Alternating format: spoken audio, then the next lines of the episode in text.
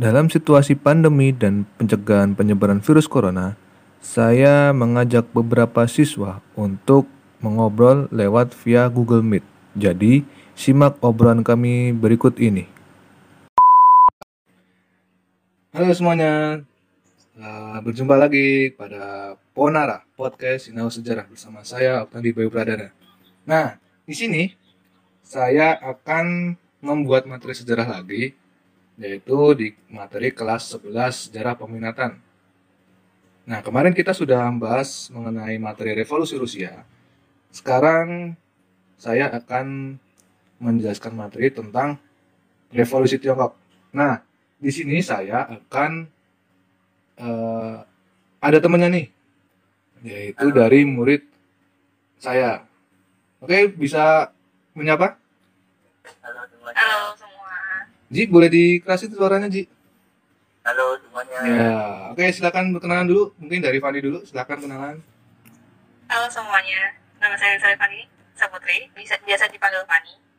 Saya dari kelas 11 IPS 1. Oke, Halo, nama saya Farid Aji dari kelas 11 IPS 1. Aduh Ji, suaramu kok terlalu kecil Ji, boleh dikerasin?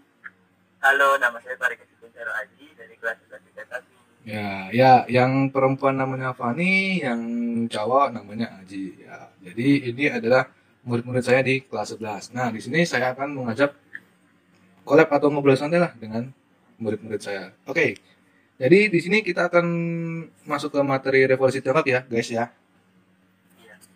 Oke, mungkin ada yang pernah dari dua orangnya ada yang pernah mendengar tentang revolusi Tiongkok boleh berpendapat sedikit aja nanti biar Pak Bayu kebagian dong kalau misalkan kalian yang menjelaskan semua. Uh, saya boleh. Oke, okay, Aji, silakan Ji. Apa yang kamu ketahui tentang revolusi Tiongkok, Ji?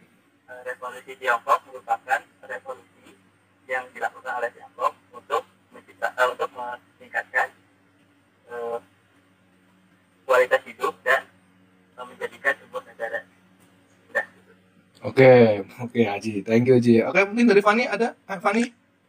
Yang saya pernah dengar aja ya Pak, ini kayak uh, diawali karena uh, pemerintah pemerintahan di, di dinasti majunya itu udah gak udah nggak bagus gitu, makanya kayak orang-orang Tiongkok sana pengen adanya revolusi gitu. Hmm, oke, okay. ya itu mungkin sebagian kecil ya yang mungkin kalian tahu ya nanti untuk lebih besarnya kita akan diskusi ngobrol-ngobrol. Oke, kita langsung aja kita mulai tentang revolusi Tiongkok. nah, biasa ya kalau misalkan revolusi berarti bagaimana awal mulai itu terjadinya revolusi berarti ada latar belakangnya, ada jalannya, ada dampaknya. Nah, oke, kita yang pertama adalah tentang latar belakangnya dulu nih. Oke, Bapak jelasin dulu ya, guys ya. Tentang latar belakangnya revolusi Tiongkok itu ada beberapa faktor. Yang pertama yaitu tentang kekalahan Tiongkok melawan Inggris dalam Perang Candu di tahun 1839 sampai 1842. Nah, pada saat itu eh, Inggris ini memasukkan candu itu ke negara Tiongkok itu ya prosesnya itu. Kemudian nanti intinya di situ eh, Kaisar Lin dari dinasti Manchu.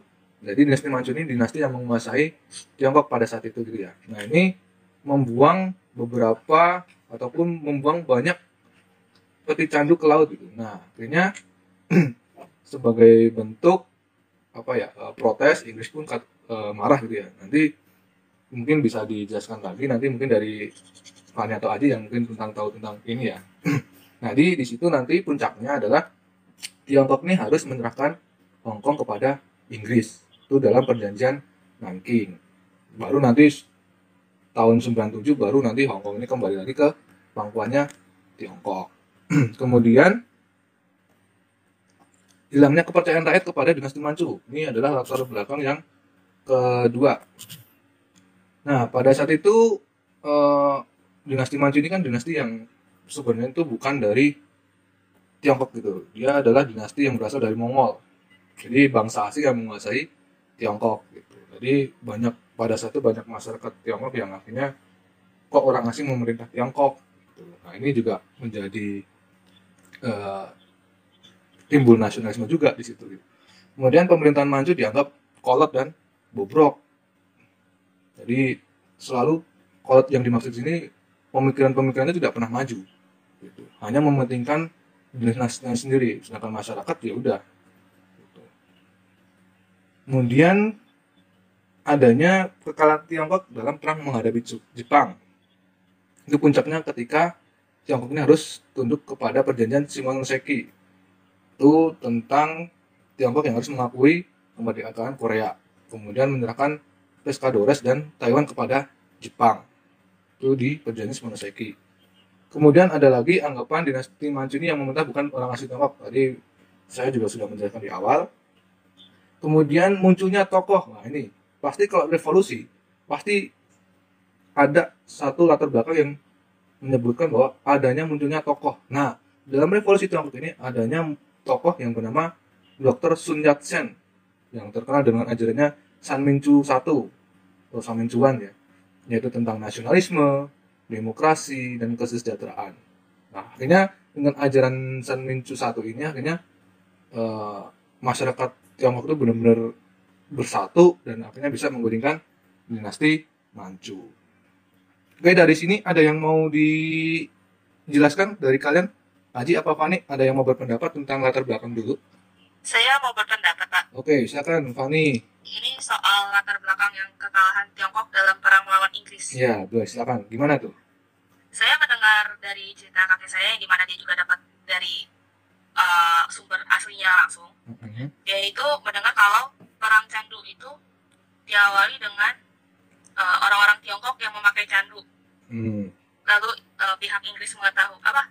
Salah. Lalu pihak dari kerajaan itu si Kaisar Lin tahu uh, kalau si rakyat rakyat rakyatnya ini memakai, dia agak kesal langsung membakar itu semua. Jadi kayak bukan dibuang ke laut, lebih tepatnya Oh, gitu. dibakar Hmm. kalau katanya. Hmm, hmm.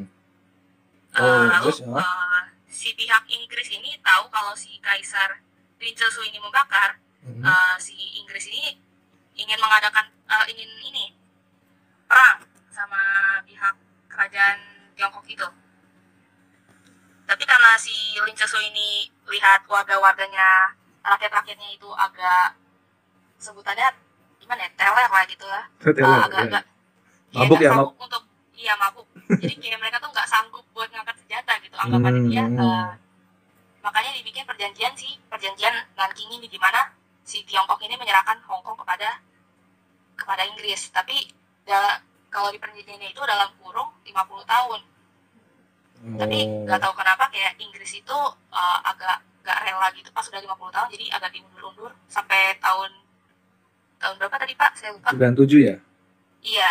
Baru tahun itu langsung dibalikin. Oh, jadi untuk dibuang ke laut itu nggak bener ya, tapi eh, pada saat itu emang Cina itu udah misalnya udah dicekoki dengan candu itu gitu ya sama Inggris gitu ya.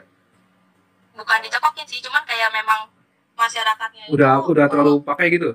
iya udah jadi terlalu udah jadi pemakai langsungnya gitu jadi udah Oh. mabuk duluan mabok. Wah, akhirnya mungkin itu salah satu taktik Inggris juga ya akhirnya bisa Hong Kong itu mendapat apa istilahnya Inggris itu bisa mendapatkan Hong Kong gitu ya. Karena ef- efek Iya. mabuk itu emang luar biasa. Mungkin yang yang orang luar sana yang sering mabuk ya mungkin nanti di ini ya ya mungkin orang yang nggak mabuk pun juga tahu kali ya yang mungkin kalau udah kayak udah mabuk berat kayak gitu ditawarin ini ya udah menurut mereka apalagi ketika perang itu terjadi ketika orang-orang Tiongkok itu mabuk ya gampang aja kan untuk mengalahkan gitu kan. Iya kayak gitu ya Fani ya? Iya. Hmm, oh berarti jadi klarifikasinya bukan buang ke laut ya tapi emang dibakar dibakar tapi itu akhirnya dihirup gitu ya mungkin ya sama orang-orang mungkin. Mungkin. Tapi di kemarin di Aceh juga kayak gitu loh. Ada kejadian bahwa eh, ganja itu ketika dibakar sama polisi akhirnya bikin mabuk ini sebagian warga di situ. Jadi hati-hati juga langsung tuh jadi udara. Iya makanya. Aduh malah juga ya kayak gitu. Oke Aji ada Ji yang mau di atau mau tanya atau berpendapat Ji Saya mau bertanggapan dari ceritanya Fani. oke boleh suaranya boleh keras lagi Ji Saya mau saya ingin bertanggapan dari cerita Fani Mhm. bahwa menurut internet eh, candi itu eh, ternyata mulai dari pedagang asing yang menunjukkan candi itu ke negara Cina. Jadi negara apa pedagang-pedagang asing itu asing candi itu ke negara Cina. Makanya eh, adanya peti-peti candu. Nah, eh, pada dinasti apa dinasti Manchu yang dipimpin oleh Lin Sejitsu itu membuang itu ke laut karena di apa di eh, pedagang-pedagang ini nakal karena sebelum ini jadinya dibuang. Nah itu juga menyebabkan terangnya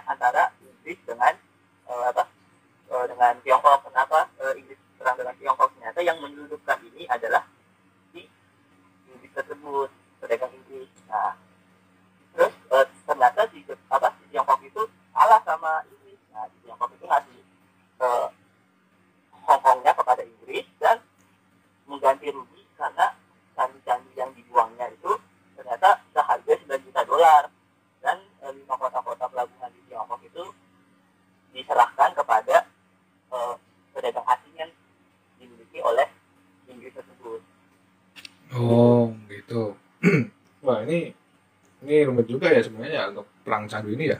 Jadi emang lewat jalur gelap, tapi emang orang Tiongkok ini dulunya emang terkenal juga ya sama produk-produk candu ya. Bahkan di Indonesia sendiri dulu juga ada tuh perang candu gitu ya. Jadi orang-orang Cina ini juga pandai untuk membuat candu, tapi candu yang dibuat Inggris ini mungkin lebih ini juga ya lebih apa ya berbobot kali ya yang artinya orang-orang Tiongkok ini banyak juga yang pakai candu kemudian malah itu membuat blunder orang-orang Tiongkok juga. Akhirnya Hong Kong ini bisa lepas walaupun nanti di tahun 97 bisa balik lagi gitu ya. Oke mungkin dari latar belakang kita cukupkan sekian ya. Kita lanjut ke bagaimana jalannya jalannya revolusi gitu. nah pada jalannya revolusi itu ada pertempuran hebat di Wuchang di kota Wuchang. Atau mungkin nanti istilahnya dibilang Wuchang itu di tahun 1911 nah itu kemudian dijadikan hari kemerdekaan Tiongkok di tanggal 10 Oktober 1911 ini kalau kalian pernah nonton film tahun 1911 itu yang dibintangi Jackie Chan juga ada itu tentang ilustrasi bagaimana gambarannya di perang Wuchang Day gitu ya. Nah kemudian selanjutnya pada 1 Januari 1912 Sun Yat-sen ini kemudian dilantik menjadi presiden Cina di Nanking. Nah, tanggal 1 Januari selanjutnya dinyatakan sebagai tanggal berdirinya Republik Tiongkok gitu ya. Nah, ini Pak Bayu jelasin tentang alur-alurnya ya. Nah, kemudian pada tanggal 12 Februari 1912, Ibu Suri Lungyu itu mengeluarkan pengumuman yang juga ditandatangani oleh Yuan Shikai yang isinya adalah Ibu Suri bersama kaisar terakhir yakni Xuan Tung itu kaisar yang masih apa ya bocil lah kalau bahasa-bahasa sekarang masih bocah cilik gitu ya jadi dia ini e, menyerahkan kedaulatannya kepada rakyat Tiongkok gitu. Jadi pada saat itu si kaisar ini kan ya misalnya masih masih bocah, kemudian tapi dibantu sama ibu surinya gitu untuk dalam pemerintahan sebelum diberikan kepada rakyat Tiongkok pada saat itu gitu. Kemudian selanjutnya tanggal itu merupakan tanggal penyerahan kedaulatan dari tanggal pemerintah maju kepada Tiongkok ketika dinasti Manchu ini benar-benar menguasai eh, Tiongkok itu selama hampir setengah abad ya setengah abad 500 tahun gitu itu dari abad ke-17 sampai abad ke 20 gitu. Baru akhirnya Tiongkok ini benar-benar merdeka dari dinasti Manchu gitu. Nah, akhirnya untuk menghindarkan kemungkinan terjadinya perpecahan ya, akhirnya si Sun Yat-sen ini mengundurkan diri sebagai presiden eh, Tiongkok, kemudian menyerahkan kepada Yuan Shikai gitu. Secara resmi pada tanggal 15 Februari 1912 dan akhirnya dia akan menjadi Presiden Republik Tiongkok gitu. Tapi empat tahun setelahnya si Yuan Shikai ini meninggal gitu. Kemudian digantikan oleh Chiang Kai-shek yang seorang nasionalis juga nih uh, ya istilahnya dia mengagumnya Sun Yat-sen gitu ya. Nah baru nanti di zamannya Chiang Kai-shek ini benar-benar apa ya benar-benar banyak tantangan nih ada tantangan dari pihak komunis Tiongkok yang saat itu dipimpin Mao Zedong juga menghadapi pendudukan Jepang karena Jepang pada situ benar-benar lagi ganas-ganasnya untuk uh, menguasai daratan Asia gitu. Nah, salah satunya ini Tiongkok juga yang menjadi wilayah yang diserang gitu. Nah, nanti barulah ketika perang dunia dua itu ya puncaknya ya. Itu nanti antara kaum nasionalis dengan kaum komunis nanti itu akan dimenangkan oleh orang-orang komunis yang dipimpin oleh Mao Zedong gitu. Nah akhirnya di sinilah berdiri uh, negara komunis di Tiongkok. Nah sedangkan Chiang Kai-shek akhirnya melarikan diri ke Taiwan kayak gitu. Itu kurang lebihnya di jalannya revolusi ya. Tadi akhirnya di dinasti Manchu bisa ditumbangkan gitu. Oke mungkin dari Fani atau Aji ada yang mau uh, ngomong? tentang jalannya Saya- revolusi Saya mau nanya sih Pak. oh nanya gimana Pak nih Eh, sebenarnya saya sampai sekarang masih bingung. Iya. Kalau Taiwan itu dia termasuk negara atau kota? Sampai sekarang ya Iya, sekarang. Oke, Taiwan. Wah, ini ini ini rumit juga ya antara Taiwan, Hong Kong, mana lagi itu ya? Makau, Makau. Makau itu ya. Kalau cara ini ya, mungkin Bapak juga ini ya, maksudnya apakah negara, negara ya? Sekarang kalau misalkan kalau kalian jadi olah- olahraga-olahraga itu mereka udah bawa panji-panji sendiri misalkan kayak Taipei kan Taiwan tuh. Kalau di badminton Iya. biasanya udah mereka mengirim atlet sendiri negara sendiri gitu kan. Berarti RRT atau RRC itu juga mengirimkan atlet sendiri gitu. Tapi apakah dalam sistem pemerintahan itu mereka masih ikut campur Tiongkok ini ataukah emang benar-benar ini udah diserahkan kepada negara masing-masing tapi kalau misalkan menurut bapak itu itu ya negara-negara sendiri gitu loh tapi akhirnya kan salah satunya kan Hongkong akhirnya kan ketika ada konflik atau internet tentang perpolitikan di Hongkong akhirnya Tiongkok ini kan juga ikut campur gitu. Berarti Tiongkok masih punya kepentingan di situ gitu. Bapak juga belum terlalu memahami secara detail sih tentang eh, kayak gitu gitu ya. Oke Fani terima kasih ya pertanyaannya. Nanti boleh deh nanti biar bapak cari-cari referensi lagi. Oke Aji ada yang mau dia ini? Saya mau bertanya Pak, tanya apa Ji? kan eh, Sun- Sun Yat-sen, eh, enggak, Sun Yat-sen itu kan punya ajaran itu San Minju. Mhm. Nah kan ada ajaran Minju itu kan ada kebangsaan atau nasionalis, demokrasi, dan sosialis. Nah, kenapa ada bisa terjadinya komunis padahal kan sama rata adanya nasionalis juga, ada demokrasinya juga, ada sifat sosialisnya juga. Kenapa muncul eh, adanya komunis padahal kan itu udah udah rata gitu. Oke oke, wah berarti ini ya eh Haji menekankan kepada sosialis mungkin kok kenapa akhirnya komunis bisa ini ya mempertentangkan kejadian itu ya. Oke, Haji terima kasih ya pertanyaannya. Kenapa akhirnya eh, komunis ini menjadi eh, sebuah apa ya eh, pilihan yang ingin menggantikan ajaran dari Yat-sen ya padahal di ajaran Yat-sen sendiri ada tentang sosialisme kenapa harus ada tentang komunisme gitu ya ah gini Ji jadi pada saat itu Mao, Mao Zedongnya atau Mao, Mao itu ingin benar-benar eh, Tiongkok ini menjalankan eh, sistemnya itu benar-benar komunis gitu bukan tentang adanya nasionalis tentang demokrasi gitu ya. demokrasi sama komunis kan berbanding terbalik tuh ya Iya. kalau demokrasi kan biasa kalau misalkan demokrasi kan untuk pemilihan presiden contohnya gampangannya kan harus lewat pemilu gitu kan komunis kan nggak ada kayak gitu nggak ada pemilu gitu gampangannya kan kayak gitu, gitu. nah mau ini benar-benar ingin menjalankan suatu sistem yang ya kalau komunis kan berarti harus revolusi kan harus menggantikan semua sendi-sendi yang ada di ajaran Yat-sen itu terutama ya walaupun nanti mereka ya tetap Sun Yat-sen ini berperan penting lah ketika sudah menjalankan tentang revolusi Tiongkok pada saat itu. Nah, mau ini benar-benar ingin mendirikan Tiongkok ini komunisme menjadi sebagai suatu sistem yang harus diterapkan pada Tiongkok. Makanya kan orang-orang nasionalis kayak Chiang Kai-shek akhirnya melarikan diri gitu loh. Karena ya emang beda beda ideologi juga beda paham gitu kan.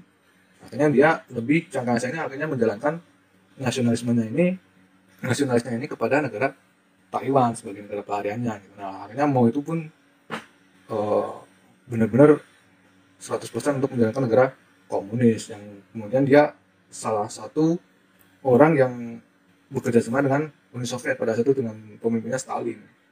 Baru nanti Stalin lepas mau benar-benar menjalankan komunisnya sendiri dan lepas dari Uni Soviet pada saat itu. Ini langsung kita ngomongin tentang dampak ya kalau ketika Adi sudah ngomong tentang ajarannya Samincu satu itu udah kita itu langsung ke dampaknya aja. Nah, dari dampak revolusi Tiongkok sendiri itu ya ini Sanmincu satu ini gitu yang sampai ke Indonesia pun juga ajaran Sanmincu ini tentang nasionalismenya ini pun juga sampai ke kita gitu loh. Karena eh, ketika penjajah asing dari orang-orang Mongol ini bisa dikalahkan gitu bahkan eh, Rusia si Jepang pun juga ketika bisa mengalahkan Rusia berarti kan kenapa Indonesia nggak bisa mengalahkan Belanda? Akhirnya kan menunjukkan rasa nasionalisme juga di situ gitu. Itu yang kemudian berdampak juga kepada Indonesia gitu. Dan akhirnya Indonesia pun nggak bisa kan akhirnya kita bisa lepas dari penjajahan dari bangsa Belanda. Walaupun nantinya setelah 45 kita dijajah lagi baru 49 kita benar-benar lepas dari kolonialisme Belanda gitu. Ya mungkin ada ini statement terakhir lah. Kita sudah terlalu panjang. Nanti kasihan teman-teman kalian yang sudah mendengarkan hampir setengah jam itu kan takutnya wah kita malah terlalu banyak ngobrol nih nanti. Ada closing statement lah atau apa tentang mungkin revolusi Tiongkok atau mau yang disampaikan ke teman-teman biar gampang gitu untuk pemahamannya. Ada? Jadi revolusi eh, Tiongkok ini karena eh, eh, ininya apa namanya seor- se- ada satu orang yang melakukan revolusi yaitu Dr. Sun Yat-sen makanya ada beda pemikiran dari nasionalis dan komunis lalu terjadinya perang saudara antara komunis dan nasionalis dengan tentara komunis terus tentara nasionalis yaitu Komintang Hmm. Nah, jadinya eh, karena di Tiongkok sama eh tentara komunis sama tentara Komintang itu tentara Komintang itu kalah lawan tentara komunis, jadinya dia pindah ke Taiwan dan meninggalkan meninggalkan eh, da- daratan Tiongkok dan eh, bermimpi pada suatu hari akan mengalahkan eh, para para eh, komunis yang ada di Tiongkok itu. oh gitu itu dari closing statement aja. Mungkin dari Fani ada mau closing statement? Nggak ada sih pak. Nggak ada? Di- dijelasin aja udah jelas semua. Udah jelas aja. Ya nanti kita tunggu aja nanti kita diskusi di kelas kayaknya ya. Kan kita untuk mengawali nanti besoknya kita akan belajar mengenai revolusi Tiongkok nah nanti mungkin tanggapan teman-teman gimana gitu ya. Oke mungkin untuk podcast kali ini saya cukupkan. Terima kasih kepada Fani dan Aji yang sudah rela banget nih sampai malam jam 11 malam ya ini ya udah Pak. melau- Iya. meluangkan waktunya buat ngobrol-ngobrol santai bareng bapak gitu. Karena kalau kita rekam pagi-pagi waduh bocornya banyak banget nih. Apalagi kan pagi kalian juga belajar kan gitu. Malam ada banyak bocornya gitu ya. Oke mungkin dari Ponara sekian ya teman-teman semuanya. Bagi pendengar Ponara kita akan lanjut di materi selanjutnya nanti di, di kelas 11 atau di kelas 12 oke selalu dengarkan Ponara kalau jika kalian ingin belajar sejarah saya tutup terima kasih dan sampai jumpa lagi thank you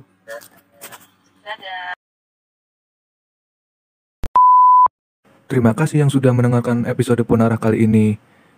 Bagi yang punya masukan, saran, dan kritik, silakan kontak saya di Instagram bp atau via Twitter @abck92 atau via Facebook Oktandi Bayu Pradana.